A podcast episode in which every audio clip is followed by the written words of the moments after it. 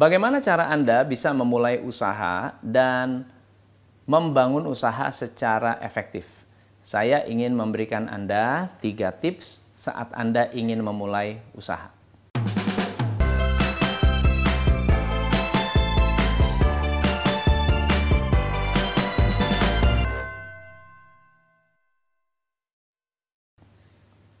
Tips yang pertama adalah pilih kekuatan bukan passion.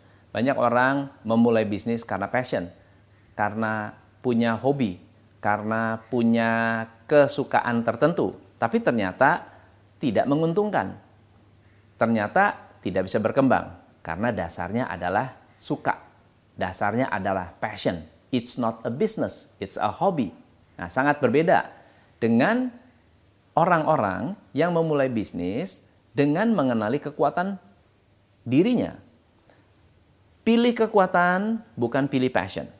Kalau Anda punya kekuatan di marketing, maka Anda berbisnis menggunakan kekuatan marketing Anda bukan karena Anda suka dengan fotografinya. Suka fotografi is good. Itu adalah produk. Tetapi kekuatan Anda di mana? Apakah di marketing, keuangan, operasional, atau team building, atau networking, atau mungkin di product development. Nah, ketika Anda mengenal kekuatan, Anda bisa mengisi kekosongan dengan merekrut karyawan yang Anda tahu Anda tidak menguasai. Jadi rekrut karyawan yang lebih pintar dari Anda agar bisa mengisi kekosongan Anda. Itu adalah tips yang pertama. Tips yang kedua, practical versus ideal. Kalau Anda memulai sebuah bisnis, banyak orang memulai bisnis apalagi startup, memulai dengan dunia ideal. Saya punya ide bisnis. Ide bisnisnya akan menyelesaikan banyak masalah kontraktor, banyak masalah ibu-ibu, banyak masalah anak sekolah, akan menyelesaikan problem jutaan orang di dunia ini. Uh, market share-nya dengan kapasitas 10 triliun rupiah. Ini adalah market size-nya. Dan Anda akan mengambil 10% dari market size tersebut. It's ideal. Teman-teman, dunia ideal sangat luar biasa. Sangat oke, okay, sangat perlu. Tapi ingat, you are starting a business. Starting a business, Anda butuh practicality. Practicality itu gimana sih? Bisnis yang praktis adalah satu, customernya ada. Dua, customer mau bayar. Tiga, kalau beli Anda untung. Berapa banyak bisnis di luar sana yang bagi-bagi barang saat ditagih orangnya bilang saya belum butuh. Berapa banyak bisnis di luar sana atau orang yang memulai bisnis di luar sana yang memiliki customer yang sangat-sangat ideal tapi ternyata saat jualan tidak menguntungkan. Ada yang mencoba menjual karena tidak laku, dikasih kredit. Customer nggak mau beli kalau cash, maka kasih kredit. Setelah Anda memberikan kredit, ada yang tidak bayar satu aja, profit Anda langsung habis. So pilihlah practicality bukan ideality. Karena ketika Anda praktis, ketika Anda pragmatis, ketika yang dilakukan benar-benar menguntungkan, bisnis itu layak dibesarkan.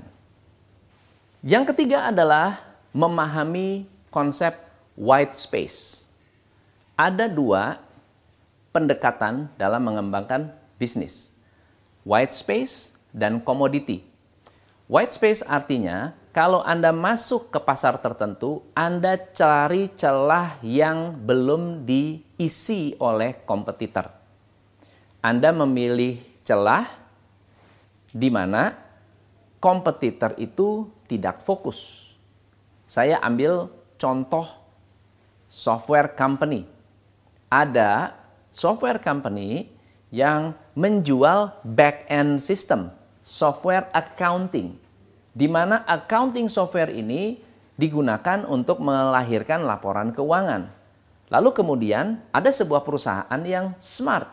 Daripada saya fokus ke back-end, saya kenapa nggak fokus ke front end? Front end itu adalah memudahkan kasir untuk mengisi transaksi. Nah, muncullah yang namanya POS. Dan kalau zaman dulu POS itu mahal sekali. Kalau misalnya Anda bisa membuat POS yang murah dipakai oleh UKM, UKM tersebar di seluruh Indonesia, itu menjadi sebuah white space strategy. Sementara bisnis-bisnis di luar sana banyaknya bermain komoditi. Komoditi itu apa sih? Komoditi itu artinya orang lain punya, saya bikin yang sama, saya cuma lebih murah. Orang bikin apa, Anda bikin yang sama, cuma lebih berkualitas. That's it. Itu tidak akan terlalu menarik. Jika Anda memikirkan sebuah bisnis, pikirkan ada nggak celah yang bisa saya isi di mana kompetitor belum fokus.